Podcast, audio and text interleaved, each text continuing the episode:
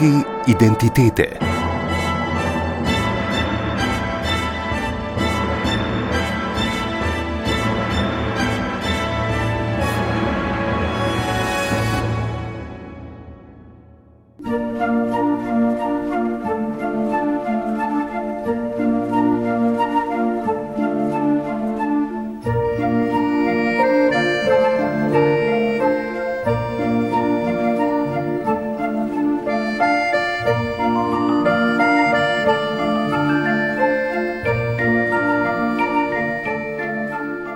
Ljubljanica.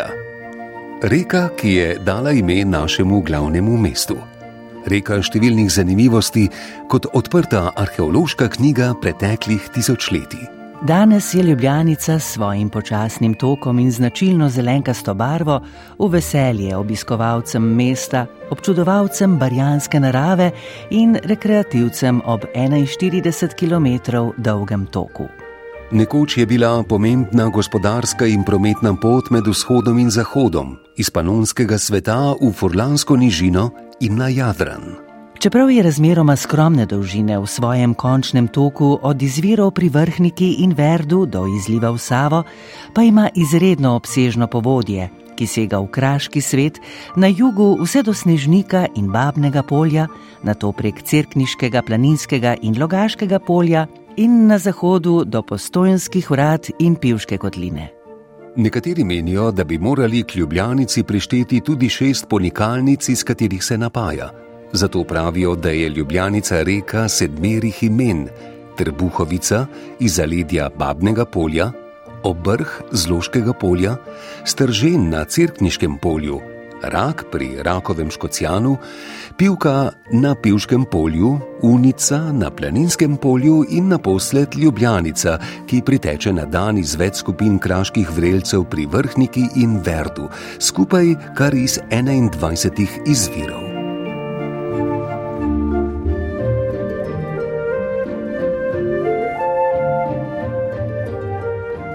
Naj bo kakorkoli. Ljubljanica akumulira ogromne količine vode, ki se s skupnim pacem skoraj 500 metrov prek ponikalnic in kraških pol prelije vanjo na zahodu Ljubljanske kotline oziroma na skrajnem robu Ljubljanskega barja. Tu se potem voda ob močnem spomladanskem in jesenskem deževju razlije prek struge v barje, da nastane do 80 km2 veliko jezero, kakršno je bilo pred tisočletji. Ljubljanica, ki teče po barju, ima namreč izredno skromen padec, zato struga naraslih voda ne more sprejeti.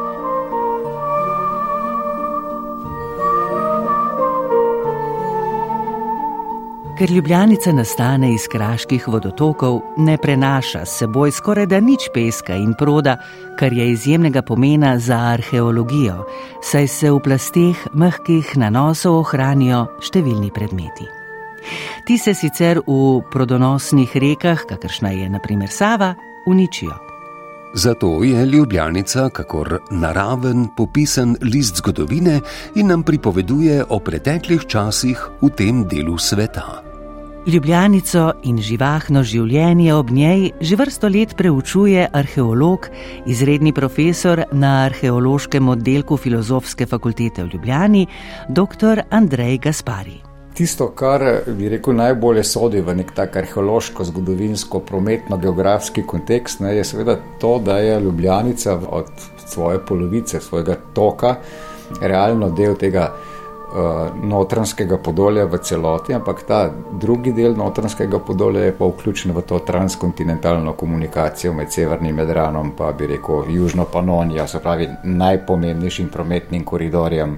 Na tem prostoru, od tukaj do Grčije. Skoraj, In to seveda avtomatsko pomeni, da je ta podolje, ko je pač se enkrat formiralo vpliv ceno, kadarkoli poznaje, ne, pa z vsemi vodami, ki jih je pač odvajalo v smeri že proti, da tako rečemo, Donavi oziroma proto Donavi. Ne, in zdaj tudi ta trajektorija, ki seveda ta vodni transport poudarja, ne glede na to, v kakšni obliki, bom rekel, je takrat Ljubljanica tekla, ampak vsi te detajli nekako tvorijo prometno os, os premikov, ne nujno po vodi, ampak ob vodi, ne, ki so ta prostor, da rečemo severno Italijo, povezovali z rečemo, vzhodnim delom Srednje Evrope, pa z vsem zaledjem. To pravi, že stoletja in stoletja globoko pred antiko. Ne? Globoko pred antiko, ko je bilo, bom rekel, morska obala še prvisu pred 120 tisoč leti, ne? so te ravnice, da rečemo severno-italijske oziroma severno-italijanske, se tule v to gorsko pregrado, sreč, gorsko mislim na Julijske Alpe, pa njihove podaljške proti jugo-vzhodu, se pravi. Eh, Trnovski gost, eh, nanos, eh, snežnik. Ne, čez ta preval je bilo treba priti. In ko priješ čez ta preval, prideš na Ljubljanico. Potem takem miti o argonautih skoraj da držijo ali ne. Ja, bi rekel, samo osnova mita zanesljivo drži. Ne, se pravi, ta promet je v, že v zelo zgodni bronasti dobi potekel, če ne še bistveno, bistveno več tisoč let starej. Ne, so, so podatki o kontaktih prav spodnjim podonaju že iz srednje kamene dobe, da se razumemo, to je pa najmanj deset tisoč let pred sedanjostjo. Ne. No, ampak sama, sama argonautika, torej ta verzija, ki je pri nas najbolj bi rekel, za nas najbolj zanimiva, ne, ki govori o tem transportu po Istrosu oziroma po Donavi, pa potem po Ljubljanici, pa prenosu ladje. Ne, ta ima definitivno korenine v kontaktih, ki so, v, bom rekel, že v zgodni bronosti dobi bili čisto razviti in nekako lahko tudi odsevajo neko grški interes za ta prostor v zaledju severnega Jadrana, se pravi za vsa rodišča in vse ostalo, kar je pač eh, Grke. Če bi morali dogodek sam locirati časovno, kam bi ga uvrstili? Konec bakrene dobe? Ja, jaz nisem ravno specialist, ne samo če gledam kontakte, pa tisto, kar, kamor bi ga jaz osebno v mestu, glede na to, kaj vemo konkretno, bi rekel, da tam v 15. do 13. stoletje pred našim štetjem. Aha, tako globoko ja, nazaj. Ja, ja.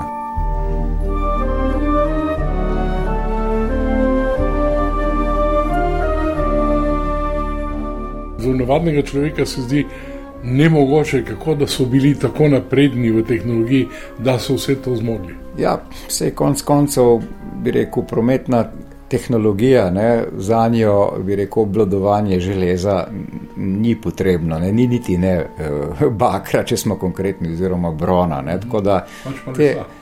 Les. Les je tista stvar, ki je seveda bila najbolj dostopna. Veščina njegove obdelave je že, bi rekel, mezolitska, če, če ne starejša, za, za določene seveda elemente, tako da tudi kompleksne vezi so znane že, bom rekel, kadarkoli se odkrije kakšen zgodni neolitski vodnjak ali pa kaj podobnega, se vidi, da so tako kompleksne vezi, kot jih bom rekel, še tradicionalne, današnje, pravzaprav lesarstvo ali pa obdelave lesa pozna, so poznali že pred deset tisoč leti. Ne. Tako da to se je zelo, zelo zgodaj. Najpol seveda te visoke civilizacije, Egipt in Bližnji vzhod samo dokazujejo. Ne.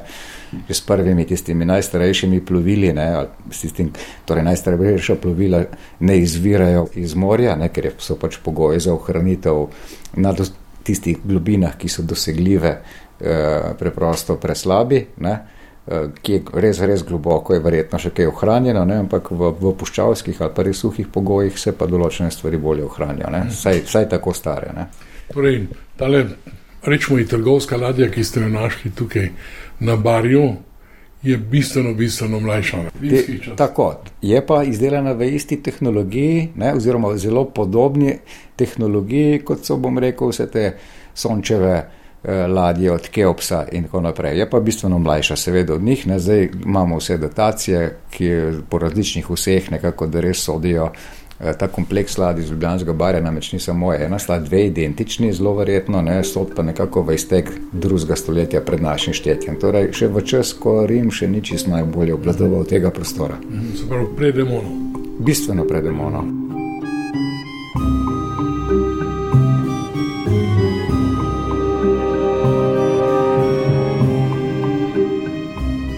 Ampak zanimivo, kako smo prišli do človeka. Ti, jaz sem nameraval govoriti o Ljubljanici, ki je v nekem smislu določevala življenje stoletja in stoletja.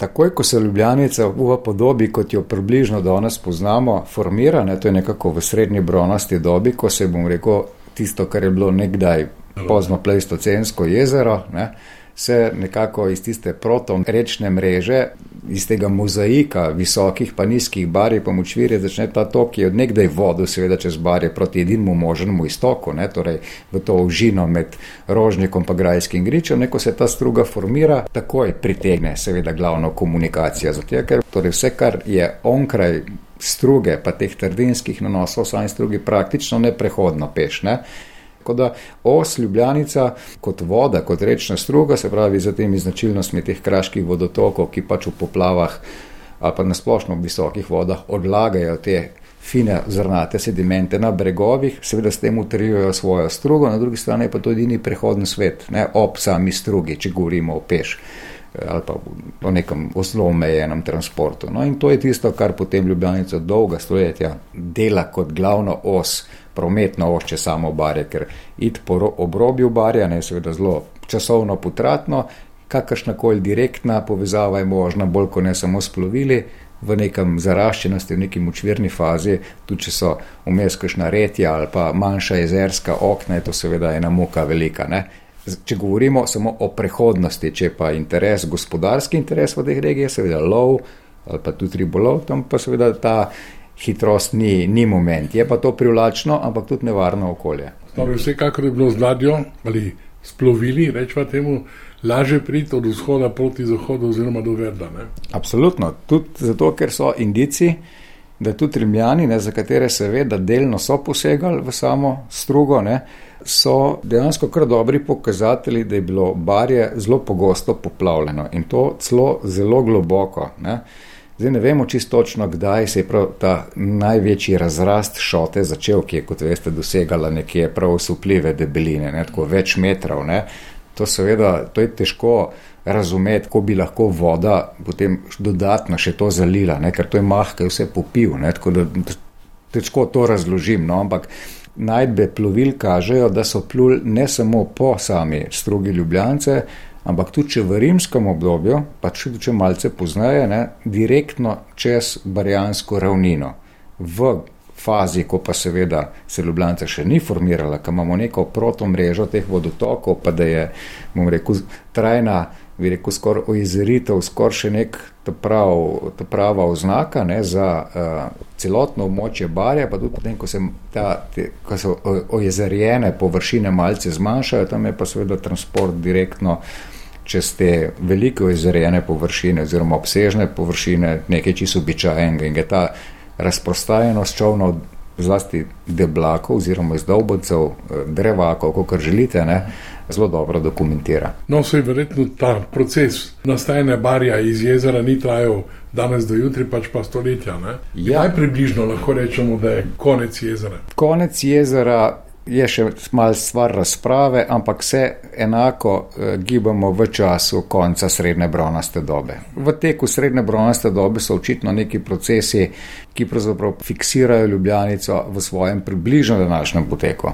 Za sam, samo naravo toka ne, je še vedno preslabo razumljena, ampak čisto očitno ne vsak eh, opazovalec, tudi površen, vidi, ne, da je za razliko od toka unice na, na, na samem planinskem polju, da ta reka pravzaprav ne meandrira, na čist drugi radiji označujejo. Ne, se pravi, tukaj imamo upravka očitno ne z nekim velikim regulacijskim posegom, ampak z neko drugim geološkim ozadjem, lahko je tudi povezan s tektoniko barja, neaktivno tektoniko barja, ker potem lahko take ravne poteze so lahko tudi posledica nekih prelomov, ne, ki se tudi v tako plastičnih sedimentih, kot zapolnjujejo barjansko kotanjo. Ne, kot veste, ti sedimenti so nekje tudi 200 metrov debeli, ne, tako da ta, to je zelo živo, ne, živ, živa podlaga pod nami. No, ampak dejstvo je, da za ene, za ene predele se pa kar sklepa, da pa so bili deležni posegov. Ja, ampak bistveno pozneje. Šele naj, edina entiteta, ki je bila tega res, resnično ja. zmožna, bili, je bila tam vojska v avgustejskem obdobju, se pravi tam na prelomu šteti. Tale tektonika je pa posledica stika med dinarskim in alpskim svetom? Zelo generalno, torej splošno rečeno, ne, e, v resnici tukaj prelomi v različnih smereh potekajo, tudi v teh smereh tudi delno se pokrivajo z današnjim e, temi premočrtnimi odseki reke. Tako da zna biti, da je nekaj na temo, mi lahko bi dejansko samo sklepamo na podlagi razprostranjenosti najdb tako v strugi, kot na obrežjih, zlasti na obrežjih, seveda, tiste so še posebej relevantne. Če ravno tudi, bi rekel, same, same hidrodinamične, tako rečemo, značilnosti toka, pa oblikovanost toka rečnega korita ne, je taka, da so tudi najdbe same struge zelo izpovedne, kar se tiče originalnih pa novih delov.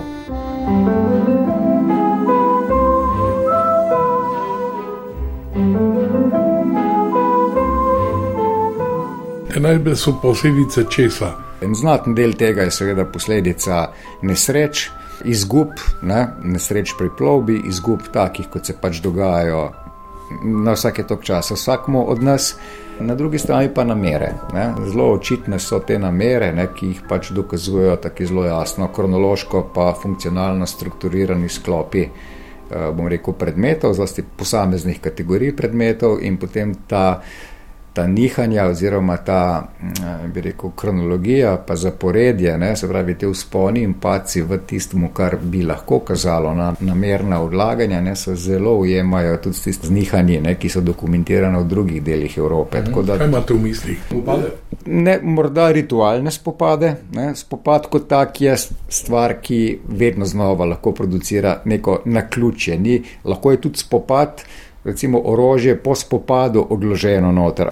Ena lepih uh, takih indicov za to je, da imamo ogromno večino mečev iz mlajše železne dobe, pa tudi rimskih mečev, najdenih skupaj z, v, torej v samih nožnicah, ne izdrte. To je en takih indicov. Drugo so koncentriranje kronološko, pa funkcionalno enakih tipov najdeno na določenih mestih in te fenomene začnemo opažati tam nekje od srednje bronaste dobe naprej, recimo je tako najbolj eminentno, očitno res neko, neko kultno mesto, kot mi pravimo, mora biti na obrežju v neposrednem bližini izliva Bistre v Ljubljanice. Tam je čisto očitno, da je bilo neko bojevniško kultno mesto, tam je bilo tudi pred drugo svetovno vojno najdeno en skelet, človeški skelet, ki je imel v prsnem košu zelo zapičeno bronasto sulično ost. Tako, ja. Katera plemena oziroma še predplemena rodovne skupnosti Kdo vse so tukaj bili na tem območju? Kako globoko nazaj arheologija sega? Ja.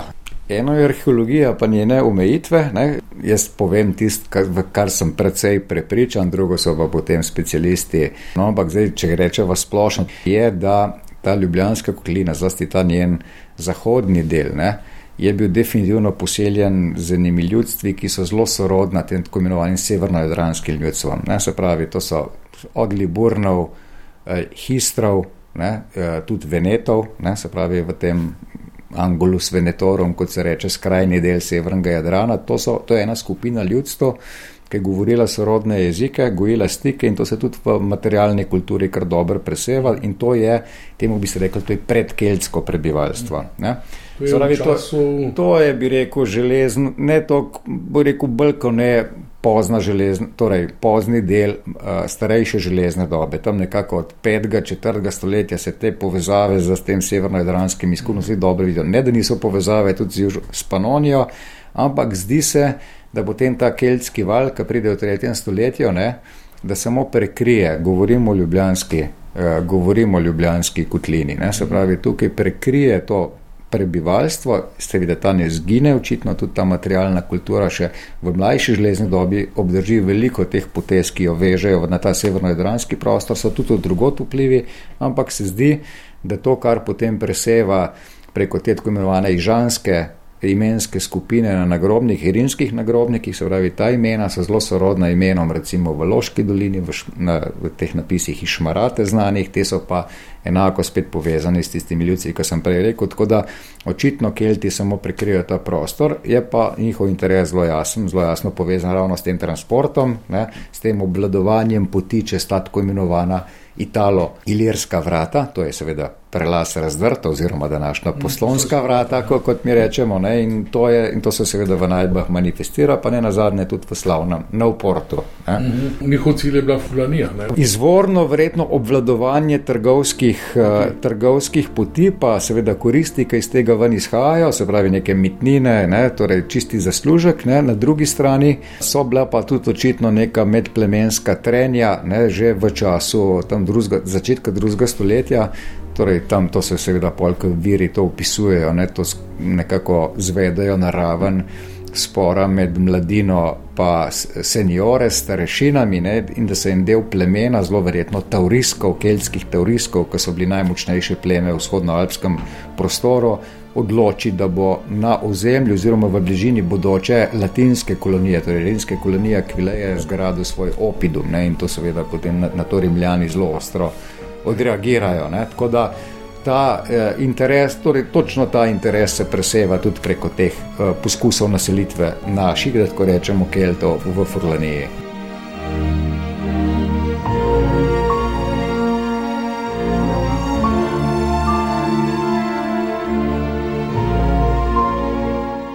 Mostiščari, oziroma koliščari, kot jim ja. rečemo, ne?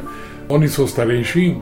Kaj so bili po izvoru Te študije, ki gremo tako nazaj, ne, recimo, če rečemo, da se obdobje koliščne označuje, seveda najbolj bakreno dobo, čeprav ima začetke že v poznem neolitiku. Ne. Tukaj, vsaj kar se tiče, bi rekel, raziskav antične DNK, ne, smo tukaj še zona povojih, ker kostnih ostankov, kot veste, ljudi z tega območja je malo, zelo malo.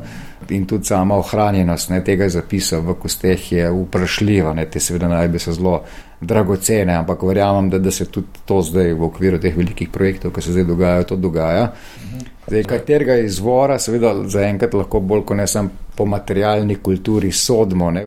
In tukaj se te povezave zlasti s tem južno-panonskim, oziroma s Karpatsko kotlino, zdijo še najmočnejše. Zdaj, kaj, kaj to pol pomeni? Ne?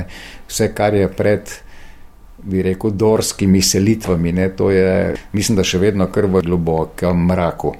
Potem pridejo Rimljani. Tako, ne, Rimljani so pravzaprav tukaj že zelo kmalo po prihodu Keltov, se pravi, um, oni imajo ta svoj propugnakulum, kot ga imenujejo, kolonijo Akvilajo, ustanovljeno razmeroma zgodaj in potem 150 let pravzaprav so tukaj kontakti, ki so take mal vojaške inkurzije, lahko tudi s kakšnimi osebnimi ambicijami upletenih konzulov, povezane pa bolj kot ne samo v odvračanje, bi rekel, česar koli, vseh nevarnosti, ne? ker za njih je bil ta vstop v Italijo, oziroma proti italijskemu polotoku, seveda ključnega pomena. Zdaj, ni jim vedno uspevalo, ne tudi njihovi močni nasprotniki v sredozemlju, zlasti v vzhodnem sredozemlju, so skozi načrtovali vdor v Italijo, čez točno ta naš mm. koridor. Ne? Tako da to je bilo za njih zelo občutljivo. Ne? Dejstvo pa je, da eh, prihaja tudi do ene interakcije, ne, koristi so bile oboje stranske, ne zlasti v tem transkontinentalnem prometu, vsi so imeli korist, ne na zadnje se omenja ta epizoda vezana na naš prostor, eh, vzhodnoalpski. Ne. Očitno so teorijski pustili italske rudarje, da kopljajo, to je bilo gor verjetno nekje v visokih turah v današnji Avstriji, ne, so odkrili eno brutalno bogato Eh, žilo zlata ne, in je bilo toliko zlata, da je pol cena eh, tej kovini v Italiji padla za, ne vem, mislim, da za en, za en znaten odstotek. No, in to je tako vznevolil teorijske, da so jih izgnali, ne pa je bila pa očitno tako ena rimska intervencija, povračilna. Ne, kar pomeni, da te kontakti se skozi blin, ravno te velike transportne ladje izbarja kažejo na, na obseg tega, tega, te trgovine. Ne, to je 30 metrov dolga ladja, se, se si predstavljate. Ne. To kaže na eni strani njena, njena značilnosti gradnje, ne kažejo, da ni bilo to za neke ingote ali pa za neko rudo, ampak za neke druge surovine, kože ali bodi si tisto, kar je iz Panonije. Prehajali tisto, kar je bilo interesantno, ne pač za trg v Kvileji, bolj si kaj drugega, težko je, lahko tudi sode v drugi smeri. Ne. Ampak te ladje so bile zraven, no, vse? Ja, tako je, vse. Zakaj? Eno je zaradi neke tradicije, bi rekel, ta tip plovil ne, se nekako uvozi iz eh, ravno eh, iz delte pada ali pa iz te lagunarne plovbe v zaledju severnega Jadrana. Tehnologija sama je, kot se rečeno, bistveno starejša. Ne, eh, v tej tehniki pravzaprav narejeni so bili, pravzaprav bi odkrit nedavno ravno pri Zambrati morska, morska ladja, ne, torej s šivanimi platicami. Ne. Eh, drugač pa um, ravno ladja iz Lip lepo kaže, ne, da je to ravno dno bilo edino možno, če so želeli z njo plut direktno čez poplavljeno ravnino, ker je bila odkrita okoli 250 metrov ali pa celo malo več od današnje struge Ljubljance, pa verjetno tudi od takratne. To pomeni, da dejansko so izkoriščali velik vodostaj, poplave jesenske in tako naprej. Ampak ta voda vendarle ni bila tako globoka, da bi prenašala v gres. Ne? Ta ugres tukaj, pa recimo pri tej ladji, pri teh dimenzijah, pa pri tej širini, tam od 2,80 do 4,5 metra, Zanesljivo si niso pa vošli več kot 50 cm mm. ogreze. Ampak to, kot rečeno, je treba za zervo imeti, ker ne vemo, kaj je bilo z mahom, ne, kaj je bilo s tem visokim barjem takrat. Ampak dejstvo je, da danes imamo poplavne vode nekje pri Belkah, mm -hmm. čez meter pa pol. Razumem, ja. Ja. Ampak če sem vas prav razumel, vse te ladje so izprek tega ljubljanskega barja ali jezera, tedaj ne, šle po Savino vzdolj. Ne, ne. s tako ladjo že mimo Fužinskega katarakta ni bilo mogoče pridati. Uh mhm. -huh.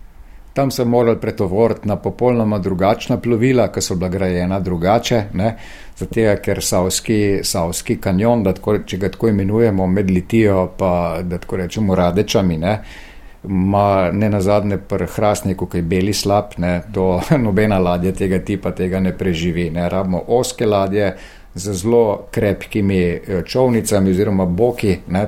Torej, življenje ne, je bilo strašansko živahno, če tako znamo, že zaradi transporta.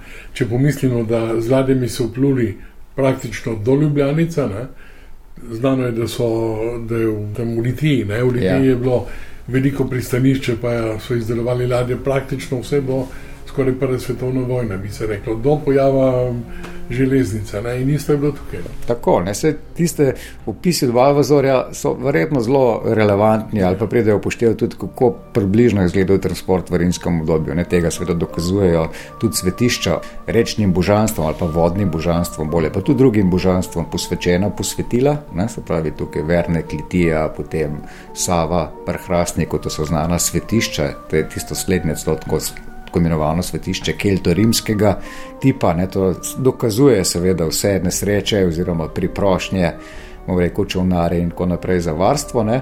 Zdaj nimamo evidence, da bi bile vlečne steze že v rimskem obdobju narejene, ampak zelo verjetno se je nekaj moral biti in to na saj, Savi, mislim, na Savi, tako vsaj od Klaudija, ja. od Klaudija naprej. Ne. Tisto, kar so pa pol nadgradili na, na začetku, ne, torej 18. stoletja, to je pa nek obseg, ki je pol omogočil resno izrabo, ne seveda do pojava oziroma do gradne železnice. Ampak te plovni kanali, ki so na Savi, ne so seveda lahko nekaj, kar bi lahko tudi na rimsko ureditev tega torej spominjali. Ampak tako, za samo Ljubljanco pa so ni potrebo nekih posebnih aranžmajev, morda kakšno vlečno stezo, zaradi česa so mogli skrčati ta hrast in tako naprej, ki so jih pa pol, seveda v poznem 7. veku, pa zgolj veku spet nazaj sadili, rekoč, da je, bi rekel, branil plovbo po ljubljanici pred vetrom ne, in pa nekako tudi to, da so v senci lepo čovnarali. No.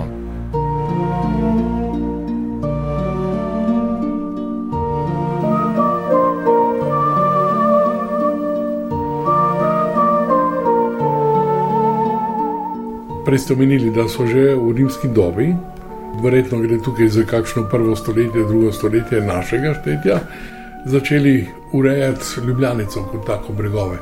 Zdaj, glede na to, da v prvi fazi je bil glavni uporabnik, če, če govorimo o Rimljanih, ne, glavni uporabnik te poti, koliko vojska. Ne, in, in očitno je vojska tudi delno regulirala kot rečeno, še vedno ni dosto raziskano. Evidenca eh, je še dost uh, skopa, no, ampak dejstvo je, da imamo tudi v Ljubljani odkriti celo vrsto teh proinženirskih značilnih inženirskih orodij, Eh, torej rutrumi za rušo, uh, bo rekel te dolabre slavne, dvojne križne sekire, prav, um, lopate in podobno, ne? kar ni seveda nujno, da je povezano s temi posegi, ampak pač dokazuje vsak leginar, koliko veste, da je imel to opremo kot del svoje integralne opreme, poleg orožja, ne? vojaško opremo je vključovala tudi te kose, ne saj ascijo, to so take velike, težke sekire.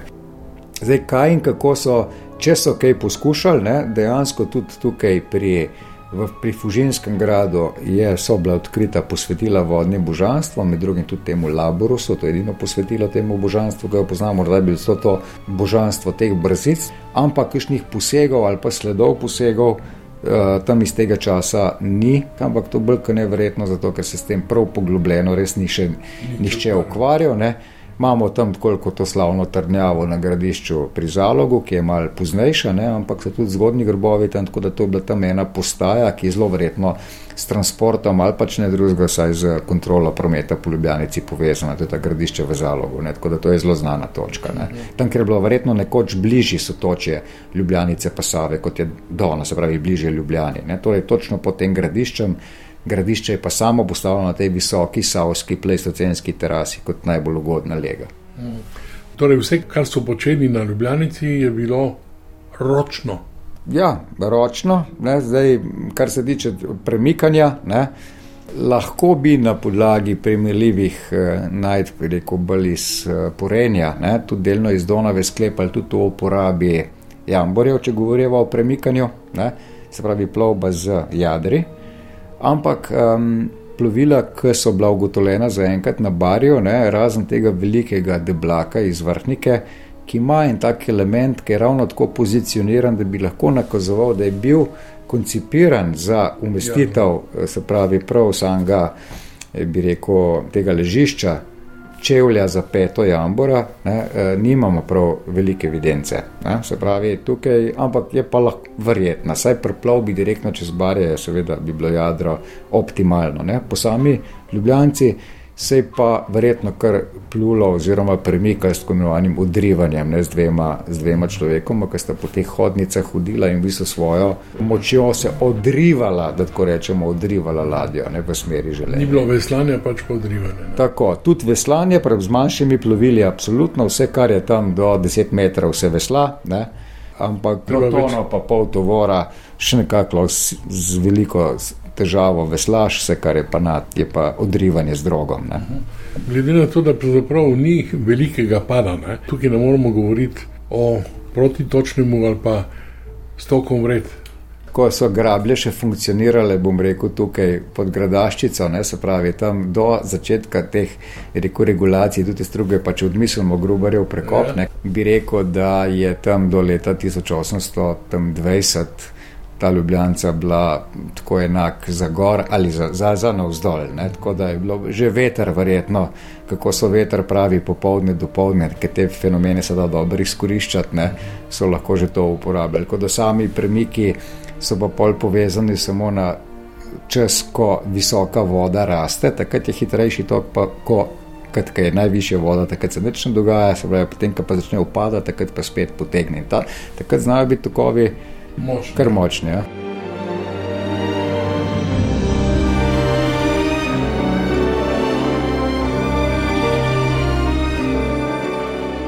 Ampak od rimske dobe pa nekje do 18. stoletja, ne? čas Marije ja, Terezije, tako. se praktično nič ne zgodi. Čeprav vem, da je bil nek poskus tam v 16. stoletju. Ja, ja, dejansko je to, to vmes barje samo raste in je razen za lovce, pa za ribiče, pa za tiste, ki pač poljubljanci to ali drugo počnejo, eh, popolnoma nepoznano mhm. ali pa zelo nevarno, zelo nevarno. No, zdaj so sva pri Mariji Tereziji. Zakaj Marija Terezija čuti potrebo po ureditvi Ljubljanice, oziroma sploh barje kot takega? Najprej nekaj je bilo verjetno povezano z napačnimi predstavami, kaj se lahko tudi razvije. Ne se je to bilo tudi po pretekli zgodovini, kako lahko barja postane ena zelo bogato poljedelska površina ne, v eni taki regiji. Ne. Drugo so seveda motivi, ki so povezani z javnim zdravjem, pa vtisom, ne, da je barje pač produciralo enega najbolj nezdravih ambientov ne, na celem območju. Ne. Ljubljana, poredno že v rimskem obdobju, ni nekaj slovela kot neko prvo posebej cenjeno mesto za naselitev, ne, kot vemo še do nas. Ajdovščina, ne, tudi samostan, diskalcijato na Ajdovščini je bil postavljen zato, ker je bilo tam prvo, kako tako sprejemljivo ozračje, za razliko od očitno od bolj južno ležečih delov Ljubljane. Ne? Tako da že to kaže, Ljubljansko polje ima bistveno, imelo očitno bistveno pol, boljšo klimo, da ne rečemo, ali pa zrak, če, če želimo, od te kotline z barjem. Ne? Še posebej, če si predstavljamo, kakšen zadrževalnik je bil šotno. Eh, je bil šotno barje, ne? to je, je popilo na milijone kubičnih metrov uh, vode, in tako da si treba kar tudi na ta način predstavljati. Ja, Zapravi, tako, drugo je pa, sama izraba, ne, izraba transportne moči ne, je bila pa skos aktualna. Ne, in ta, in od, nikoli se ni struga Ljubljana tako zalezla, rekel, da, se, da bi se bregovi vanjo zalezli, da bi, bilo, da bi bila neuporabna. Ne, ima pa zelo globoko strugo, ne, kar je pač spet ena posebna značilnost rek v takih kohezivnih sedimentih, ker same sebe omejujejo, ne, svojo širino grejo pa v globino, tako da imamo ljubljence nekje na barju globljo od 11 metrov. Ne. Dobro, ampak še zmeraj nismo ugotovili. V času Marije Terezije, 18. stoletje, ja. tiskati so ceste že fino zgrajena. Ne? Ja, zdaj, ta komercialna cesta, ki je v 18. stoletju zgrajena, ne, to je edini, eh, torej tisto, kar je bilo prej, recimo, da rečemo pozno srednjeveškega tam, ne, se je zelo vilo ob samem, ob samem severnem obrobju Barja. Ne. Rimljani so to direktno rešili, se pravi, via publika, državna cesta, eh, bomo rekli, vrhnika, Emon, torej na oportu Semona, je šla nekje med današnjo originalno cesto pa avtocesto in šla po lesenih rešetih, ne, se pravi, čist naravno so šli. In ta cesta, ki je tam zgrajena v 18. stoletju, v drugi polovici, ne, ta komercialna cesta, ne, je kar nekaj vmes ne, med rimsko premočrtnostjo pa tistim prilagajanjem temu trdinskim delom tega uh, obrobja. Medtem ko rimska cesta šla pa neprekusljivo naravnost ne. in tudi velik uložek finančni. Ne, Zdaj ti ostala, samo motivi, ki bi rekel, ekonomska, pa druga, iza, iza teh namer, mora rekel od Marije Trezije pa naprej, meni ni čist prezentna, se nisem s tem bolj poglobljeno nikoli ukvarjal, tako da tukaj vam pa žal bi vam moral kakšen specialist uh, povedati. No, tako da jaz tisto onkraj tistega, kar sem nekako, nekako sklepal, ne, uh, glede na to, kar vemo o Barju, se ne bi drzno, znači kaj prejudicira, ker verjamem, da v listivskem gradivu kar precej mhm. ohranjenega. No, ampak ko prideva potem do prekopov, pa to pa že veste, ne? Uh, prekopov mislite? Ja, grubarev kanalov in tako naprej. Ja, to, je, to so vse poskusi ne, v, v tisti smeri. Ne. Zdaj dejstvo je, da m, mm, se je izkazalo ti za zgodbo. To je verjetno posledica tega, da je Ljubljanica sama ob velikem vodostaju, tudi sicer na Barju, poplavljala Ljubljano. Ne. Ja, vse grablje, te, že v srednjem veku, nekaj so bile, pa bom rekel, vse inštalacije, ki so bile povezane s tem, da je srednjeveška Ljubljana objela, bom rekel, strugo na ta način, da je še dodatno omejevala. Eh, pa bom rekel, samim zasipanjem struge, ne takrat je bila blanca globoka, tukaj maksimalno meter pa pol v samem mestnem jedru, da tako rečemo, ne? kar pomeni, da je bila bistveno širša. Ne? In vsaka inštalacija, ki je bila, recimo te grablje, tako imenovane, ki so preprečevale, ta, da bi ta plavljen les po barju, rekel, še, da so tam lahko pobirali ven, no, ali pa tudi kaj ulovili, kaj izgubljenega, ne seveda to je samo dodatno zadrževalo vodo. Ne? In to, te poskusi, ko so to najprej odstranili, niso zalegali, ker je preprosto preplitva bila. Ne? Ta odtok iz barja ni bil za zadostne kote. Ne? Spravi, to, je, to je edina stvar, ki je takrat preostala, ne pač je topografija to je omogočila, je bil prekop grubarevga. Kanala, pa tudi tako, kot vemo, ne, eh, še ni bil eh, optimalno rešil stvari. Tako da, dokler se ni pol v koncu 30-ih let vse obbetonirali, 20. stoletja, ne, tako da um, eh, vemo, ne, tudi to, to, tam imamo pa še dosti dobro fotografsko dokumentacijo, ne, kjer je pač zelo videti, ne, kako tudi tisti prvi posegi, ki so so sam bregove reševali naše, ne, ne, tako da pol ta zadnja faza je pa pol tudi ta dno rešila. Tako.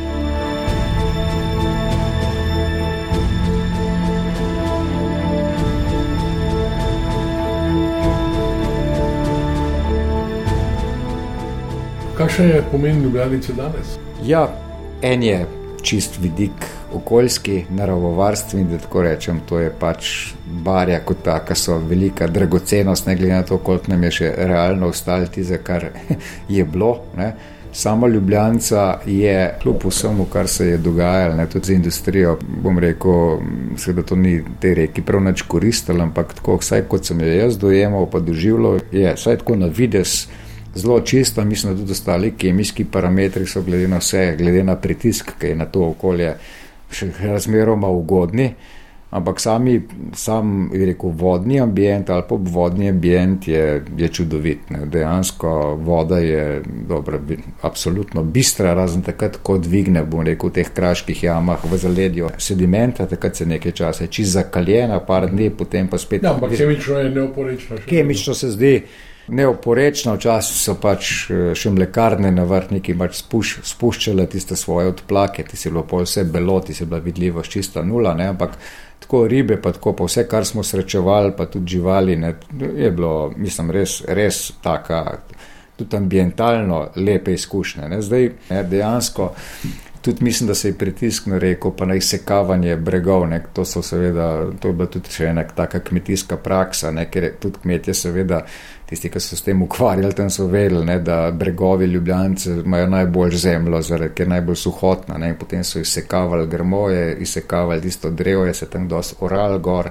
To seveda pol povzročalo, da je tudi struga upadala noter, ne, zdaj, ker imamo med tem obrežnjima nasipoma še ena taka denivelacija, ki, ki odraža koliko ima reka manevrskega prostora za levo, desno, med tema obre, obrežnjima nasipoma, no, ampak samo dno, kot rečeno, ima taka korita, glo, globlje kanale, um, ki se prepletajo, včasih je samo en, včasih so trije, taki veliki, visoki grebeni, to so vse v pleistocenskih glinah, glinastih sedimentih, reko urezani vanje, potem so pa Tem so pa kakšne resne poglobitve, kakšni globoki tulmuni, kjer lahko opazujemo čisto opične stene v teh glinenih sedimentih. Tako da je to prav tako spektakularni potopi so. Ne?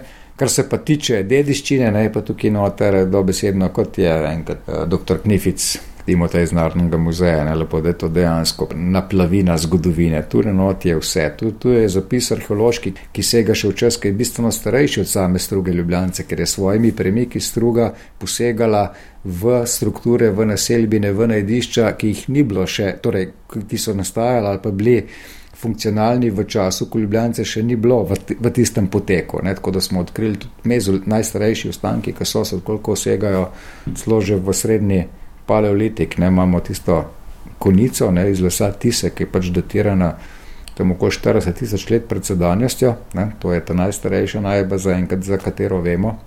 Potem so ostanki mezolitskih teh taborov lovskih odplavljeni, seveda v strugi Ljubije, ne, potem imamo v strugi bistre odplavljena kolišča, ne, ki segajo tam, bi rekel, tako v bakreno dobo kot v srednjo bronasto dobo, se pravi najmlajša Eh, kolišča, oziroma zgodno bronasto dobo, bolje rečeno, imamo ravno izpostavljene v strugi bistre. Tudi cel kup predmetov iz koliščarskega časa bilo v Ljubljani odkritih, ampak ne da bi padali v takrat Ljubljance, ampak je bilo izgubljen v nekih drugih okoliščinah. Ne, potem, ko se pa struga formira, tam pa pol iz brona, srednje bronaste dobe, pa iz pozne bronaste dobe, sledove verjetno grobišč, pokopavanja neposredno v vodo, se pravi, take posebne oblike vodnih pokopov, pol darovanja, verjetno tudi cel kup nekih naključij. Ne, ampak se ta točke se kar dobro gostijo, polci vkupna kita iz starejše železne dobe, bronasto posodje iz starejše železne dobe, pol ogromno je nekeljske vojaške opreme, čelade, meči, sulice, noži, nenavadno izjemno malo posodja, ne pa tem času. To, vse to kaže, da ni na ključje. Ne, torej, če je nekje ogromno keramike iz enih obdobij, iz drugega, ker je bila keramika še bolj v uporabi, pa nič, potem že kaže to na nek vzorc, ki verjetno ne kaže na, na, na ključje, ne? ampak je lahko samo posledica namere, zakladi, naučne skupne najdbe, zakopi. Na obrežju pa potem paril morda zmigrene struge v vodo ali pa direktno deponirano v vodo, pol rimska vojaška oprema Ljubljance, koliko po celem svetu, da rečemo, sam po Evropi znana po res neverjetni količini rimske vojaške opreme, odlično ohranjene, ker reka kot ambient vrhunsko ohranja, zlasti ljubljenica, sladka voda, miren tok, hiter se zasedimentira, lahko si lahko predstavljate, kako je to vse vrhunsko ohranjeno, tako da so to referenčne študije. Za rimsko vojaško opremo cesarskega obdobja, ne. potem srednji vek, ne malce zanimivo pade neka intenziteta najti v času zloma rimske oblasti, se pravi pozno rimsko, pozno antično obdobje, precej, precejšen upad najti, tudi kar zadeva še zgodni srednji vek, potem pa spet od 9. stoletja naprej pa spet tak uspon, ki pravzaprav se sam še uspenja, količina najti tudi zaradi bližine, ne, časovne pa tako naprej, potem je tem, to gre v tisoče in tisoče. Kar pa predmeti prepovedujejo, pa seveda pol kombinacija s plovili, potencijalnimi prehodi, ne, čeprav prehodi so ena zelo, zelo še problematična ali pa vprašljiva ali pa zelo intrigantna stvar, ker prehod čez reko, kje, kam, ne, tam, kam imamo visoko barje, kam boš, kako prehod funkcionira, na kakšen način, zakaj. Ne. To so vse vprašanja, ki seveda so povezane s temi koncentracijami najti na posameznih delih, ki jih pač se jih poskuša razložiti. Raziskave še potekajo? Raziskave potekajo bolj na ravni predhodnih arheoloških raziskav, v smislu tam, kjer so neka infrastruktura ali pa kjer so neki posegi v načrtovanje, je obvezen zakonsko obvezen pač pregled, pa vse raziskave na, v okviru te, teh raziskav, takih podobnih raziskav, bil tudi recimo ta deblak na vrhniki. Uh, dvignen, ne? tako da tukaj drugače znanstvene raziskave so zdaj malo zastale, torej znanstvene orientirane raziskave, preprosto zato, ker um, bom rekel, zdaj le trenutno naš, naš raziskovalni ambient nima nekega resnega večjega projekta, kjer bi se lahko takim vprašanjem pač bolj, uh, bolj poglobljeno posvečali.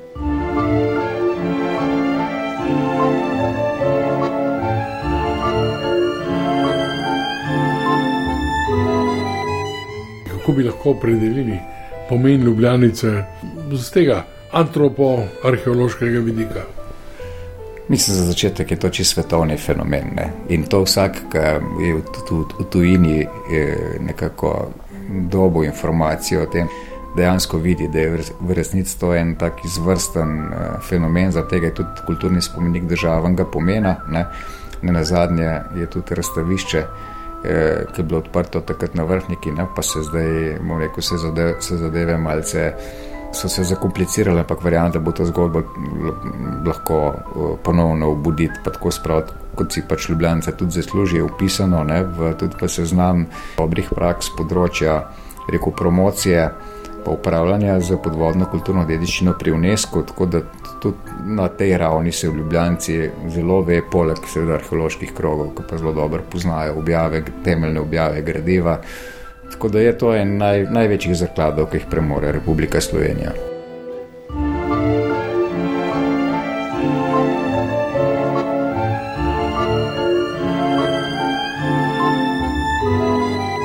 To je bila oddaja Mejniki identitete o povodju Ljubljanice in življenju ob njej skozi tisočletja.